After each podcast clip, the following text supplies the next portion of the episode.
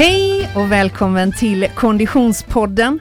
Vi är framme vid avsnitt 3, säsong 3 och jag som pratar heter Frida Zetterström och vid min sida Oskar Olsson. Hej Oskar! Hej Frida! Hur är läget? Mycket bra. Härligt. Du, eh, vi ska alldeles strax presentera den tredje mannen i rummet, våran gäst för dagens avsnitt. Men innan vi gör det så måste jag bara konstatera att vi får ju väldigt mycket lyssnarfrågor. Och det är väldigt roligt tycker jag. Det är, eh, ni som lyssnar får gärna kontakta oss via sociala medier. Vi heter ju Konditionspodden precis överallt. Eh, och jag vet att det har kommit in en fråga där någon skriver Oskar, ta upp programpunkten din träningsvecka. det skulle ju tyvärr även innebära att vi måste prata om min träningsvecka. Ja. Ja, så vi lämnar den där. Och så säger vi, det kommer att återkomma så småningom. Vi är så glada att ha Storytel.se som poddpartner just nu, eller hur? Ja, Ja, för nu kommer till och med du börja läsa böcker. verkligen. På Storytel.se så kan du lyssna på mer än 120 000 ljud och e-böcker. Men inte bara det, de har även ett sortiment som kallas för Docs. Det är en kategori där man hittar bland annat reportage. Och det här tror jag du skulle kunna gilla Oskar. Eh, jag hittar när jag eh, klickar runt här min favorittidning. Läser du tidningar? Nej, Nej. Eh, bara om du har skrivit om Ja, just det. Ja. Men nu ska du kunna lyssna på tidningar. Oj. Och mitt tips till dig och Oj. till alla Konditionspoddens lyssnare är att klicka in på storytel.se och lyssna på Filter. För Är det en tidning? Filter är en tidning, Filter är en briljant tidning eh, som eh, täcker en massa olika ämnen. Bland annat så kan man lyssna på ett eh, avsnitt här om Silvana Imam, motvillig ikon. Det är mitt lyssnartips. Du som lyssnar på oss i Konditionspodden, du har just nu en briljant chans att få ta del av både eh, mitt och Oskars tips och övriga 120 000 titlar genom att prova fritt. I 30 dagar får du möjlighet att göra detta genom att gå in på www.storytel konditionspodden. Trevlig lyssning!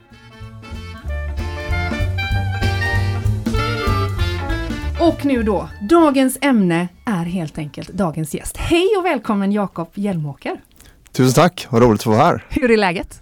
Du, det är jättebra. Du, när vi eh, soundcheckade här lite förut så eh, fick du som alla andra gäster eh, berätta vad du åt till frukost och den inmundigade du klockan 05.50. Var det så att du tränade på morgonen också? Ja, så var det. det Du- var, jag var lite ett eh, styrketräningspass tidigt i morse. Mm. Mest faktiskt ur rehab-perspektiv för att eh, jag närmar mig H40 nu eh, i januari nästa år och eh, fick ryggskott förra veckan faktiskt. Så jag har checkat av den på listan så jag har lite övningar från min eh, naprapat att göra. Så jag tog lite lugnt på gymmet innan jobbet idag. Och för den eh, icke invigde, det vill säga jag, H40. Det är när man eh, går över från de här mer presterande ungdomarna och de klasserna då, H21 Ah. pratar man, det är ålderskategorier på, i tävlingsformer då. Ja, ja, ja, ja. Av Men den enkla anledningen att du är 39 nu och fyller 40. Precis, Ah. och H40 brukar man kalla den här bekräftelsebehovstäta klassen. Liksom. Det är de herrarna som, och damerna, eller inte H40 men D40 då, som ska visa sig duktiga på någonting på något sätt. Jag förstår! Aldrig sett eller hört någonting av detta. Jag förstår inte vad han pratar om. Om du som lyssnar befinner dig i kategori H eller D40, du är hjärtligt välkommen. Vi är så glada att ha dig med. Du eh, Jakob, förutom det faktum att du är 39 år eh, och, och havregrynsgröt till frukost, så bor du också i Västra Frölunda och har fyra barn. Stämmer bra? Men det är inte därför du är här. Utan det är för att du faktiskt eh, sitter på rekord som jag vet att till och med Oskar Olsson är imponerad av. Oskar, vad är det för rekord Jakob eh, innehar? Ja, det är ju otroligt imponerande måste jag säga. Jag själv ser ju mig väldigt långt ifrån de här tiderna så jag är mäkta imponerad och roligt att vi har, att jag har mött min överman här. Eh, han har ju då en fantastiskt bra totaltid på en svensk klassiker. Eh, jag tror just nu idag är det den tredje bästa genom tiderna. Stämmer bra? Stämmer bra. Och en svensk klassiker för er som inte vet det innebär ju, om man tar det i turordning, årets kronologiska så är det ju Vasaloppet 9 mil, eh, sen kommer Vätternrundan 30 mil, Vansbrosimningen 3 kilometer och sen avslutas det med Lidingöloppet 3 mil i september. Eh, Så slår man ihop alla måltiderna som man har på de här loppen och så får man en totaltid och Joakims tid är 14 timmar och 21 min 12 minuter. Och en det, tiondel. ja, och det sekund. ger dig då alltså den tredje bästa tiden genom tiderna. Det, alltså, vi, vi ska ju grotta ner oss under den kommande halvtimmen i alla de här delarna såklart, men jag måste ändå börja fråga, hur började det här för din del? Jag har tänkt på lite och jag tror jag kan minnas någon gång att när jag var väldigt liten så var jag hälsade på en, en familj, eh, vänner till mina föräldrar som hade en stuga i fjällen. Och där hängde en sån här diplom, en svensk klassiker. Och någon berättade för mig vad det var och det blev så här lite ett skimmer kring det. Det här verkar ju alldeles galet. Hur kan man göra de här olika eventen under ett, eller en samma följd? Uh. Men det var kanske när jag var 7-8 år, sen har det legat i dvala. Men för drygt 14 år sedan så bestämde mig för att testa att göra en svensk klassiker. Ja. Eh, då var det ganska som bara genomföra den nivå. Och eh, fick väl ja, ingen mer smak just då. Men under senare åren så har vi börjat cykla lite snabbare gäng och som insett att när man då gör en bra Vätternrunda så finns det faktiskt lite att bygga på. Man skulle kunna kanske då fortsätta och mm. eh, kanske prova att lära sig crawla och så vidare. Och då för tre år sedan så tog jag tag i detta och eh, eh, började faktiskt simma dagen efter Vätternrundan då, så det var inte så jättelång tid inför Vansbrosimningen. Men då med ambitionen att ja, det här kanske kan bli en hyfsad snabbklassiker. Kanske man kan komma in topp 10 på den här totallistan som fanns eh, upplagd. Mm, mm. Men, men, men om vi backar då, kanske inte ända till sjuåringen som Nej. hittade diplomet, men Nej. åtminstone till 25-åringen som ja. gav sig på eh, en svensk klassiker. Ja. Hur såg din idrottsvardag ut då? den var väl egentligen inte så etablerad just då utan jag kommer från en uppväxt att jag aldrig varit någon bolltalang, liksom aldrig varit med i något fotbollslag som sett. Jag var kanske till och med lite mullig när jag var liten. Men började vindsurfa och surfa mycket när jag var i tonåren mm. och jag har egentligen haft det som min huvudsysselsättning då, min huvudsport. Eh, men då när man började liksom trappa ner på det lite och så kände man att det kanske vore kul att prova någonting nytt. Och så är självklart Vasaloppet en sån här ikonisk eh, sak i Sverige att, att göra då. Så första gången vi gjorde det så var det också en väldigt kort varsel. Eh, lärdes, eller, köpte skidor faktiskt fyra dagar innan allting var nytt. Och hade jättestora blåsor i händerna och eh, gjorde sån här klassisk eh, passgång då istället för att gå traditionellt. Då. Hade ingen teknik överhuvudtaget. Men på något sätt gick det ganska fort ändå. Vi åkte på 7.45 åkte ah. vi. Och, eh, du säger vi? Ja, jag åkte med en kompis då för han, det var han som lurade med mig då. Eh, för han, hans ordinarie sällskap hade fått förhinder då med en dryg vecka innan då. Mm. Och fick väl lite ja, mer smak som låg och bubblade lite då. Det var så att jag tog tag i det direkt men under kommande åren då så blev det så lite, ja men man kanske skulle prova att träna och lära sig åka skidor också. Då. Löptränade du eller konditionstränade överhuvudtaget under ba den här perioden? Bara liksom sporadiskt eh, och var väl liksom rätt tung och hade inget löpsteg eller någon så, sån sak utan jag har liksom aldrig haft det naturligt så utan det har växt fram sista ja, decenniet kanske man säger då otroligt inspirerande att höra måste jag säga. Eh, men men okej, okay, så du kör igenom en svensk klassiker redan då när du är i 25-årsåldern ja. och sen lite fokus då på att börja cykla snabbt. Var det där som liksom det triggade igång? Ja, det blev väl så när man, man ehm, kom med, eller fick frågan att vara med i en del cykelgäng då som eh, hade kanske ambition att åka på sju och en halv timme eller sju och en kvart och så vidare. Mm. Och, eh, för min del så har jag inte lagt mycket tid på cyklingen ändå utan jag brukar ju åka skidor fram till Vasaloppet. Och sen då kanske efter några veckor av lite återhämtning att man börjar cykla då i, i maj eller april. Då kanske. Mm. Och det har varit min säsong från, från då april till juni på cyklingen. Då. Och på något sätt har jag lyckats eh, komma i hyfsad form på kort tid på cyklingen och känt att nej, men det funkar. Och tagit mig runt på Vätternrundan på rätt okej tider. Eh, då. Rätt okej tider, typ liksom 30 snabbast av allihopa. Ja, alltså rekordtiden är, är vad har vi? 6 timmar 50 minuter. Um, jag, tror, jag tror rekordet är lite bättre, själva det är 6.30. Jo men, ja, men ditt rekord. Ja, ditt rekord ja. det. det. är också de referensramarna ja. Jakob har alltså. Det är overall rekordet. Det, det finns bara ett rekord. Ja, ja det har du ju helt ska eh, Kanske är det just i den frasen Jakob som vi hittar det vi kallar motivation. Alltså det finns bara ett rekord. Eh, att, att fråga om du är en vinnarskalle det är ju att slå in en öppen dörr, det fattar jag ju. Men är det att sträva mot rekord som är grejen? Ja men det är lite kul att se att man kanske kan faktiskt eh, attackera och närma sig de här eh, tiderna som de bästa verkligen gjort. Då. Och mm. Det blir som en, en, en, en positiv spiral i detta fallet då där man faktiskt ser okej okay, om jag lägger lite mer tid och kanske lär mig lite bättre teknik så finns det möjlighet att ta eh, lite ytterligare placeringar på den här totallistan som jag blivit lite eh, inspirerad av och tittat mm. mycket på då. Know your competition brukar man säga. Så eh, Jakob, eh, vet du vem som är etta och tvåa och eh, vilka är detta? Absolut. Han som har rekordet är ju en rätt så bekant herre för många inom konditionsvärlden, är Oskar Svärd, trefaldig Vasaloppsvinnare. Och gjorde den här satsningen då i slutet av hans karriär, aktiv karriär. Fick en bra uppbackning av ett stort cykellag. Hade väl hjälp av Mustafa Mohamed med löpningen och även tror jag honom Hanna Sjöberg på simningen då. Så lite en annan uppbackning än vad jag hade då som Vilket år var detta? kan det ha varit en fyra, fem år sedan någonting tror jag. Något sånt. Mm, okay. Det var inte Vasaloppet 2012 hoppas jag? Nej, där har vi, där har vi däremot eh, andra plats eh, på listan då, Rickard Andreasson, också för detta elitskidåkare eller ja, proffsskidåkare. Så han fick med sig väldigt bra Vasalopp. Sen hade ju 3.38 med sig på Vasaloppet så han lever, lever mycket på det i sin total. ja. okay. mm.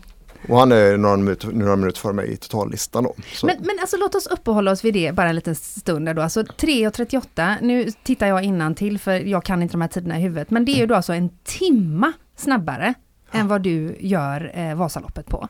Och om vi pratar totaltid så måste det innebära att du är exceptionellt bra på övriga delar också då för att liksom kunna mäta det med de här rekorden? Nej, han är exceptionellt bra på alla. Ja, det, den här andra killen är exceptionellt dålig i förhållande till sin Vasaloppstid kan man säga. Okay. Och det här året får vi uppehålla oss lite vid och det var ju liksom, eh, jag var där och jobbade det året, det var liksom Israels där det varit tö och sen så frös det spåren och eh, banrekordet Jörgen Brink eh, kommer stå sig i eh, hundra år till om mm. ingenting annat händer. Eh, och förra året så vann de väl på fyra timmar ish sådär va. Så han var ju bara 28 minuter kanske knappt från vinnartiden eh, Jakob. Så att eh, den där tiden 3.38 är um, once in a lifetime. Okay. Det, det, fanns ju en liten uh, möjlighet att en klassiker får du fortfarande räkna om så länge det är i sekvens. Så den klassikern jag har nu med min tid, den, det var egentligen ett kalenderår förra året. Men det fanns också möjlighet att om det skulle bli ett bra Vasalopp i vintras så skulle du kunna baka om den här klassiken och avsluta med det Vasaloppet mm. då. Och det var ju min, min, plan, min tanke och min plan för det saknades en kvart då till rekordet. Så det var kul att se om man kunde faktiskt eh, tagit den kvarten då, lite mm. bättre före för det var ganska dåligt före sista två åren då. Just det. Vi ska återkomma till hur det ser ut framöver och eh, eventuella nya satsningar lite senare i avsnittet. Men jag måste bara fråga då, eh, vi inledningsvis sa här, eh, du bor i, i Västra Frölunda med din fru och de fyra barnen. Dessa barn är då eh, mellan 7 och 13 år gamla. Ja, stäm. Det vill säga att de hade liksom inte flyttat hemifrån när du började din satsning? Verkligen inte, nej. alltså en, en, en, en spontan reflektion är, hur får du ihop livet? Eller vad heter hon? ja. ja. Du är inne på något helt rätt Oskar, utan det är en stor möjliggörare här i min fru såklart, Karina. Mm. Och eh, utan henne hade det inte funkat på det här sättet. Tränar hon? Uh, nej, inte nej. särskilt mycket. Nej. nej. Men, men okej, okay. det, det, är naturligtvis eh, en, en bidragande eh, faktor naturligtvis. Men trots det så ska du ändå få ihop din tillvaro. Du jobbar dessutom heltid. Eh, va, va, va, när, när tränar du? Jag försöker kombinera ofta transport med träning. Så om det är till exempel cykling till jobbet eller kanske rullskidor till jobbet så är det ju som en gratis halvtimme om man säger så, jämfört med att inte få till det då.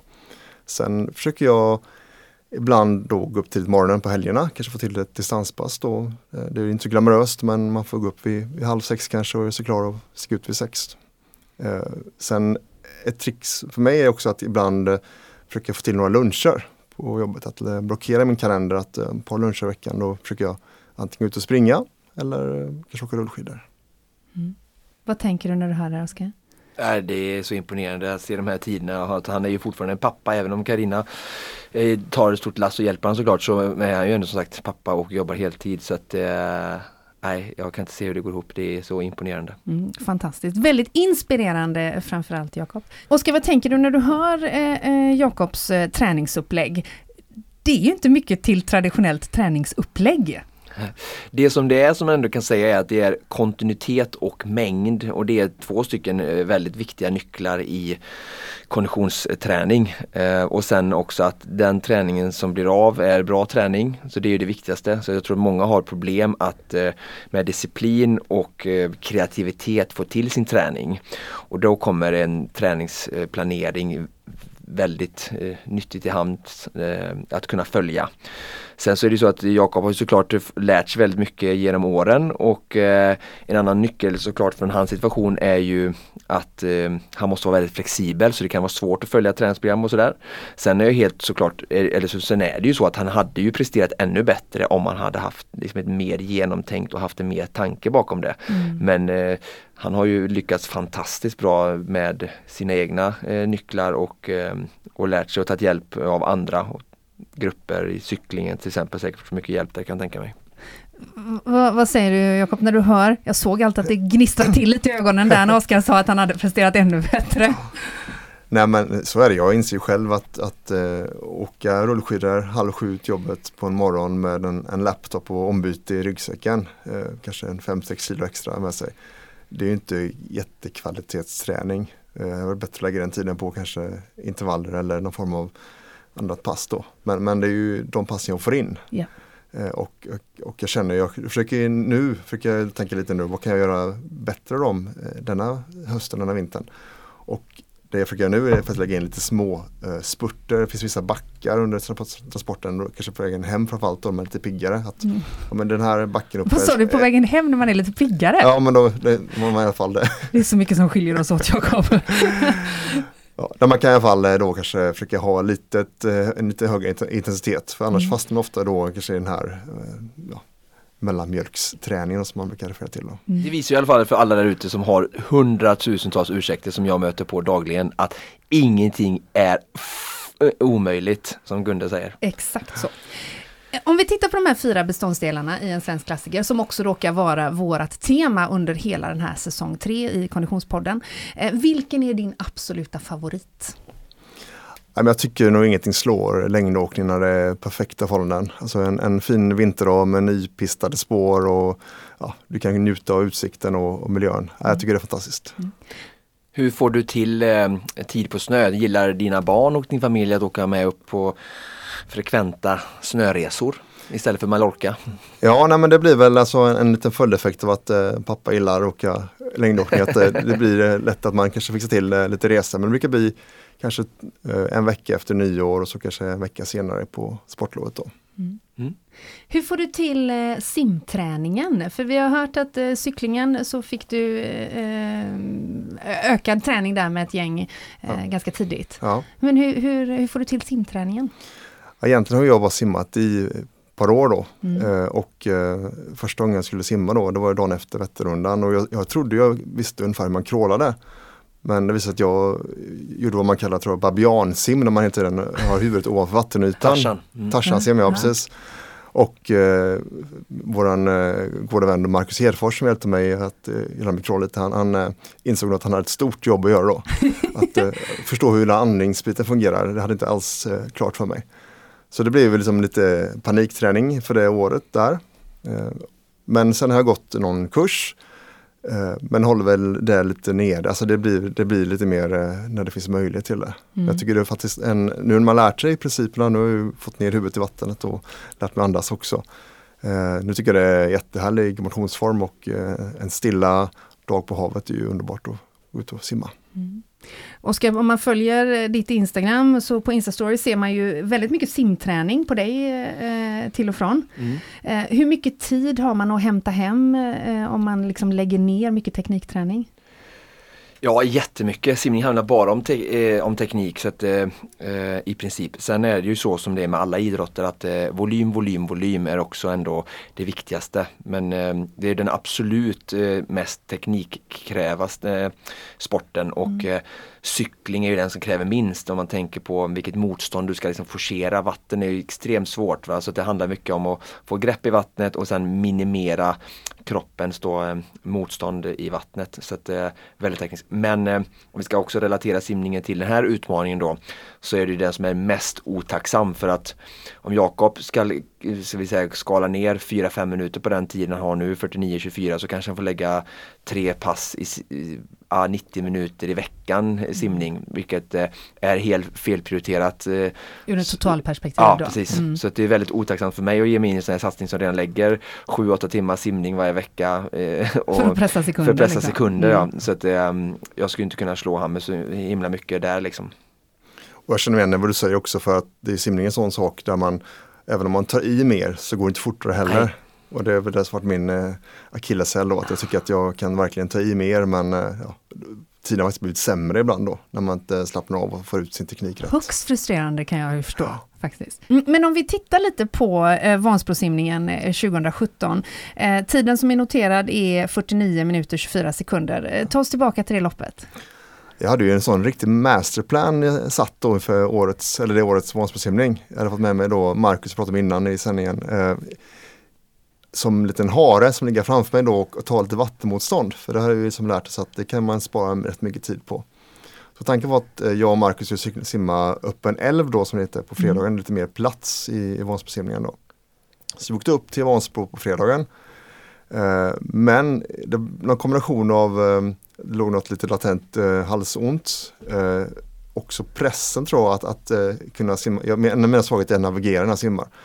Att ha koll på Marcus som ligger framför mig och simma på hans fötter på ett bra sätt gjorde att vi faktiskt simmade in på 51 minuter.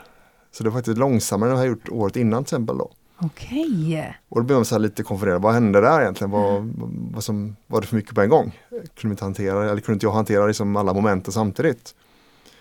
Men eh, tänkte, ah, det är ju två minuter sämre tid än tidigare år. Det, det kanske inte gör så mycket i slutändan. Så vi började åka hemåt mot, mot Göteborg igen. Men det var där som jag kom in i mitt esse då, eller mitt, mm.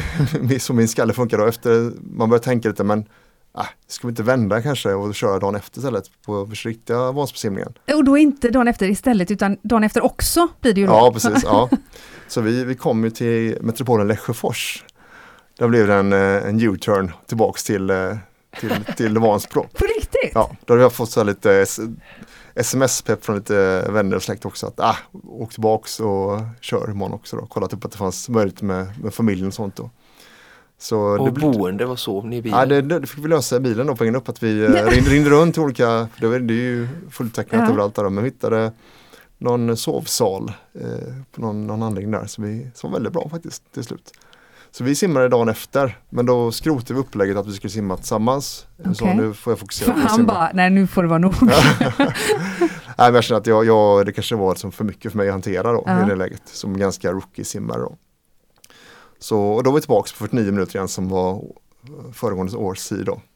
Så det, det, var ju ett bra, det var ju dyra minuter för det tillkommer logi och namnutgift. Men eh, det känns ändå värt att göra det då. Ah. Vad, hur, lång, hur långt eh, efter är fyran i den här listan? Du ligger trea på totaltid. Ja men är den dryg eh, en halvtimme eller 20 minuter? Jag har okay. ja. Så du hade, du hade överlevt de två minuterna också i alla fall? Då? Ja, men jag hade ju eh, rekordet i tanken. Just det, ja, just det. Just det. Och vi tänkte att det finns inte utrymme för Absolut, marginaler. Absolut, helt rätt. Det gillar vi den vinnarskallen. Alltså det är det här vi kallar pannben. Ja.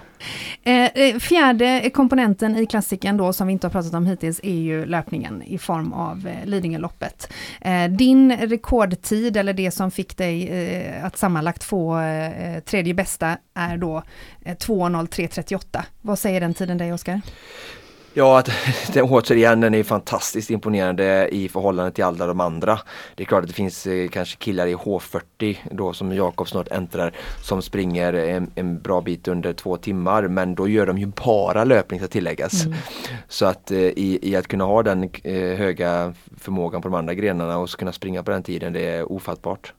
Om du tar oss tillbaka till eh, Lidingöloppet eh, 2017 eh, som ingår i sviten som tog dig till en tredje plats totalt. Vad, eh, vad, vad hamnar vi då? Ja, då hamnade jag först i en hel del frustration faktiskt. För jag hade problem, eller har problem med en högerfot som jag haft en stressfraktur i. Så jag hade gått och fått kortisonbehandlingar under hela året. men hade jättemycket smärtproblem. Så under hösten då när man konverterade från cyklingen till löpningen så funkar inte distanspass för mig. Jag kunde inte springa mer än 45 minuter, sen gjorde det för ont. Så det var flera gånger jag satte mig i bilen nästan, eh, ja, det känns ju fel att bryta ihop i sådana här mm. lyxproblemsammanhang då, men, men var väldigt knäckt av att jag inte kunde träna som jag ville. Mm. Provade olika inlägg, provade olika behandlingar. Ingenting funkade utan det var bara... Provade du styrketräning? För fötterna? Uh, jag gjorde lite de, här, de övningar jag fick lite då, lite, men inte så mycket nej. Gjorde du det innan? Uh, nu kommer tränaren Oskar Tåhäv gjorde jag. okay. ja, inte mycket, styr, nej, inte mycket styrträning. Men nu har jag faktiskt opererat foten i april mm. uh, och börjat springa nu först i augusti. Fått lite bakslag på den. Men, mm. men i alla fall, så det var lite frustration inför Lidingöloppet och var väldigt osäker på hur kommer jag reagera på, på distansen. Mm. Men, men hittade ett uh, träningssätt innan där det var mycket korta intervaller i backe på ganska mjukt underlag som gjorde inte så mycket ont på utan det funkade ganska bra. Men så satt med is, isklumpar över foten på fredagskvällen då, dagen innan eh, på hotellet i Stockholm och var väldigt nojig då för hur det ska gå. Men sen blir det ju race-morgon om man är förmiddag i detta fallet och eh, på något sätt så man vet ju om på Lidingöloppet så kommer det göra så ont på andra, alla andra ställen så att eh, foten kommer ju bara vara en del i smärtan då. Aha. Så jag var inte så jätteorolig för själva loppet. Men, men eh, sen kände jag att det flöt på bra. Eh, kunde hålla den första milen strax under, ja det var väl 39-40 tempo då. Minuter per, kilometer, per, per mil då. Och eh, kände att det, ja, men det, det går bra. Och eh, gick i mål på, för mig då, personligt bästa rekord också. Och, Mm. Så det var en, en, en kul dag i Stockholm till slut. Det förstår Det jag. slutade lyckligt. Ja. Herre min dag. Mm, det är verkligen mäkta imponerande. Oskar, vad, vad tänker du när, du när du hör det här? Angående tiden på Lidingöloppet? Ja, eller framförallt kanske träningen innan.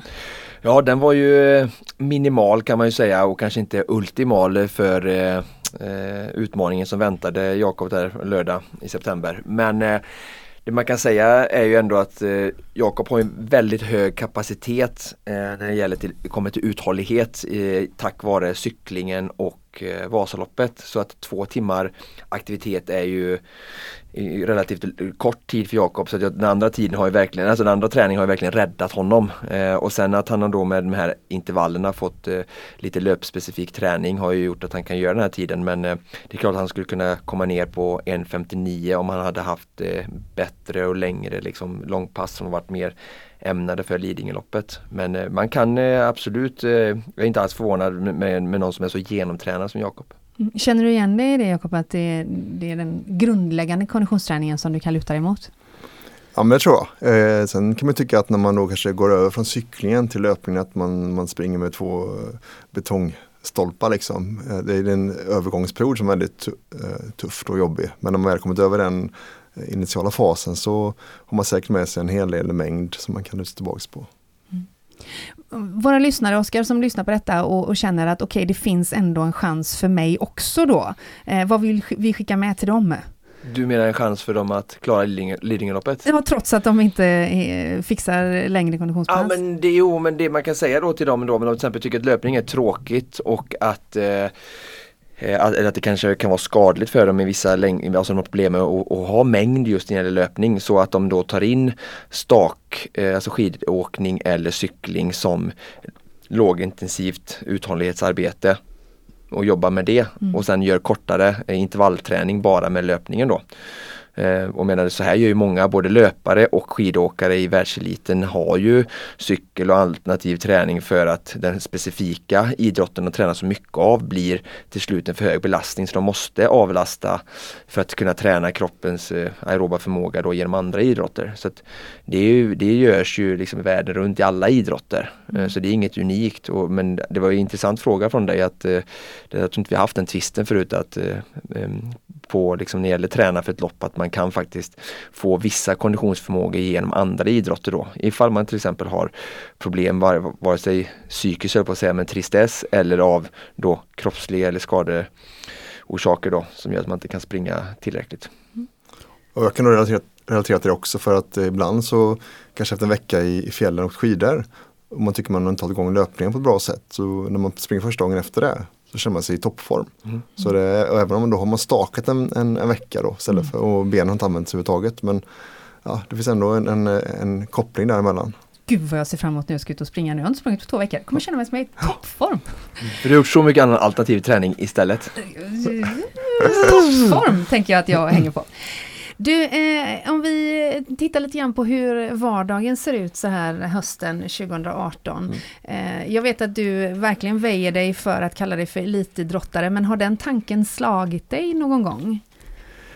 Nej, det har väl inte, i och med att jag kom igång så sent. Men där har man fått kommentarer att eh, tänk om du satsat lite tidigare i ditt liv och att du ja, verkar ha en kropp som tar åt sig träning på ett bra sätt Ja. eh, och eh, med ganska liten insats kan, kan prestera hyfsat. Det är ett väldigt ödmjukt förhållningssätt, att det är kroppen som tar åt sig träning på ett bra sätt. Det är ju Ja. naturligtvis så att vi föds med olika gen i- Ja. genetiska förutsättningar, men det, till syvende och sist så handlar det ju ändå om träning, tänker jag. Eh, Hur mycket tränar du i, i vardagen idag?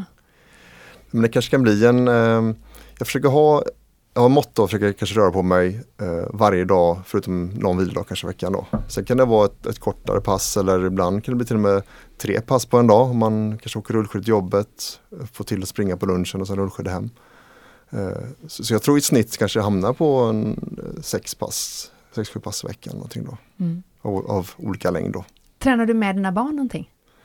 Ja, men jag försöker få med dem lite i, i detta också då. Eh, det är lite svårt dock, men ibland så på sommaren så brukar vi alternera mellan två eh, sommarstugor i Falkenberg som är drygt 2,5 mil mellan Och, eh, ibland åker jag rullskidor emellan, ibland springer jag. Och då får jag ibland med mina barn cyklandes, eller några barn cyklandes då. Mm. Med, med ett uh, mutglasstopp halvvägs. Just det. För deras skull. Ja, det låter ja. väldigt, väldigt bra. Eh, du, om man eh, ska göra en svensk klassiker, om man befinner sig där du var för 14-15 år sedan, mm. man behöver då inte vara i 25-årsåldern, man kan ju äntra kategori D eller H40 redan ja. nu. Men man har med andra ord ge sig in i den här leken för första gången. Eh, vilken gren tycker du att man ska träna mest på? Jag tror att man, man har mest ut av en klassiker om man faktiskt lär sig skidåkning ganska grundligt. Då får du en, en behaglig upplevelse mellan eh, Sälen och Mora och, och eh, en bra bas också med dig sen i, in i det andra. Så det är ofta bra kanske att man satsar med det som första moment. Mm. Eh, och, och sen följer det ganska naturligt sen årstiden att man när våren kommer och man blir sugen på att komma ut i det fina vädret då är det bra tid att börja cykla också. Då. Mm. Så att äh, lägga en bra grund med skidåkningen äh, tycker jag ofta är att rekommendera. Vad säger du om det Oskar? Håller med. Mm. Och som av en händelse så kommer Konditionspodden säsong 3 och följa din resa på vägen. Eh, du eh, Jakob, blir det någon mer klassiker eller? Jag hade ju lovat min fru eh, efter Vätternrundan förra året att eh, det var sista i den hastigheten. Vi åkte på 6.50 och snittade drygt 44 km i timmen. Och då är det ju rätt lätt att det händer olyckor. Vi hade ett par incidenter under träningspassen innan. Och när man då som det året eh, har en ganska varm Vätternrunda där man kanske får lite lätt värmeslag eh, så är det så lätt att man får ett däcktouch och en, en olycka kan hända. Och man är oskyddad som cyklist och kan bli rätt tuffa konsekvenser. Så jag var egentligen på väg att uh, gå någon form av pension. Men i och med att Vasaloppet, nu kommer männet där ja. Vasa blev inte riktigt som jag ville, det var inte den final jag vill ha då för jag uh, ja, Det fanns ju möjlighet att försöka ta rekordet med Vasaloppet i år. Just det. Uh, men jag bröt staven på startrakan och efter drygt 200 meter. Nej. Och då inser man att det är 52 spår i bredd på Vasaloppet och du kommer inte åt någon ny stav förrän i backen. Så jag startar i led 1, början av led 1, så jag har drygt 150 personer framför mig. Eh, men när jag kommer till backen så såg jag nummerlappen med runt 8000 då, så jag hade tappat ungefär ja, 8000 personer. Vad händer i ditt huvud då? Det var väldigt intressant för att det tog ett tag innan man fattade vad som hände. Man vill, man vill inte acceptera att den mm. faktiskt gick av. Man hade laddat så mycket för den här chansen då att eh, försöka ja, attackera rekordet då. Så jag fortsatte staka men sen men det, det hände ingenting med högerhanden. Jag, jag har faktiskt ingen stav som funkar i högerhanden då. Så det, det, det tog rätt lång tid innan hjärnan kopplade att nej, det är kört. Och det var rätt tufft. Då hade du ju rätt många mil kvar. Ja. Hur motiverade du dig till det? Nej, det svåra blev att, för jag kommer då in i backen när man får reservstavar eh, rätt sent då. Och jag stakar ju bara just nu, jag har ingen fästvalla. Och då hamnar man mitt bland alla de som har fästvalla och de kan ju stå stilla i backen på annat sätt än jag kan. Jag får stå och hänga på stavarna. Så allt blir väldigt orytmiskt till en början med. Jag kommer knappt upp för backen. Jag var nästan jag var på väg att ta med skidorna och börja gå. Det är förbjudet, det får man inte göra men gick, man kommer knappt upp för backen då. Och sen först tänkte jag så här, ja kanske jag kan attackera eller kanske kan avancera och bli topp 500 om man tanke. Mm. Men man, man får ju också de här mängdproblemen när man kom upp i den, mm. eh, när man eh, bland så många andra. Så det var ju totalt stopp i alla spår på, efter backen också. Så det gick inte att avancera knappt. Det var ju lite slalom och till slut så fick man som ja, lägga ner alla ambitioner. Då. Vilket humör är du på den kvällen? När du... Nej, men jag var ganska, på ett sätt var jag ju själv besviken. Men sen var det också år, eh, som vi pratade om i början, att, att det gick långsamt. Det var, ju, hade varit eh, otroligt kärvt hela vinterveckan det var Vasaloppet det snöat och varit minus 25-30 grader. Så den tiden de vann på hade inte ens räckt att uh, ta rekordet med. Okay. så, var det lite en tröst då? Det var en liten tröst för -huh. det hade varit ett, ett snabbt före eller blivit någon form av ändå någon form av hinna i spåret att det gått rätt fort i alla fall trots uh, att det varit en kall vecka då. Men att mm. det blev så pass lång vinnartid som inte så här rejält äh, räckte att vinna då, äh, totaltiden då. Så um, kändes det okej okay då. Mm. Men, men eh, frågan var ju då huruvida det blir fler eh, klassiker och nu ska vi inte skapa eh, eh en, en twist med Carolina och en äktenskapskris eh, för, för eh, Hjälmåker här. Men hur, hur ser det ut framöver då nu när inte Vasaloppet blev som du hade tänkt dig? Ja, men det var så här att jag har ju en del goda vänner som har som hjälpt mig, som har trott mig och låtit mig cykla med i lag som jag egentligen inte är kompetent att cykla i. Utan, men, men ändå lyckats ta mig runt med då. Va? Ja. Så i, i slutet av maj så hade vi en liten middag för de här som har ändå stöttat och till på olika sätt i, i den här klassiken. Då. Och då kom frågan upp att det här laget då som cyklar med i fjol Mm. kommer göra en, eh, en kristallisering och bli ännu mer spetskompetens och plocka in, in ännu bättre cyklister med ambitionen att försöka ta Vätternrundan-rekordet. Alltså åka under 6.30 då, eh, 2019. Och då, Och du bara, nej det vill jag inte då vara med fick på. jag Gud vad ju en, en, eh, en fråga faktiskt då på samma kväll att eh, skulle du av detta? Och det var kanske tur att min fru satt med och hörde detta live och sånt. Jag tror att jag tjatat min Ja. idag. Ja. Eh, och eh, det var inget beslut som var så där lätt att ta för jag vet otroligt vilken insats det kommer att vara att, att för mig som cyklar då kanske normalt sett ja, april till juni så kanske man behöver cykla hålla igång det året runt Mm. och det kan bli på bekostnad av skidåkning också. Så det tog mig ungefär en dryg månad att bara bearbeta det beslu- beslutet för det var så pass långt utanför min komfortzon Mm. och så pass mycket konsekvenser också på resten av familjen och övriga livet då. Men jag kunde inte säga nej såklart. Eh, Utan jag hade grämt mig om jag inte hade tackat ja och sett eh, det lyckas då nästa sommar. Så jag har tackat ja till det och eh, självklart blir det då en, en eh, satsning på en klassiker då när man har den förhoppningsvis bra cykelgrunden med sig då. För då finns det ju faktiskt ännu mer marginaler att, att eh, spela på där då. Oerhört eh, inspirerande och spännande och givetvis får vi ju här och nu, tänker jag, Oskar, bestämma oss för att vi kommer ju följa eh, Jakobs resa i detta och, och eh, berätta för våra lyssnare hur det går. Ja. Oerhört spännande. Tusen tack för att du kom hit och eh, lycka till med träningen framöver. Tack så mycket.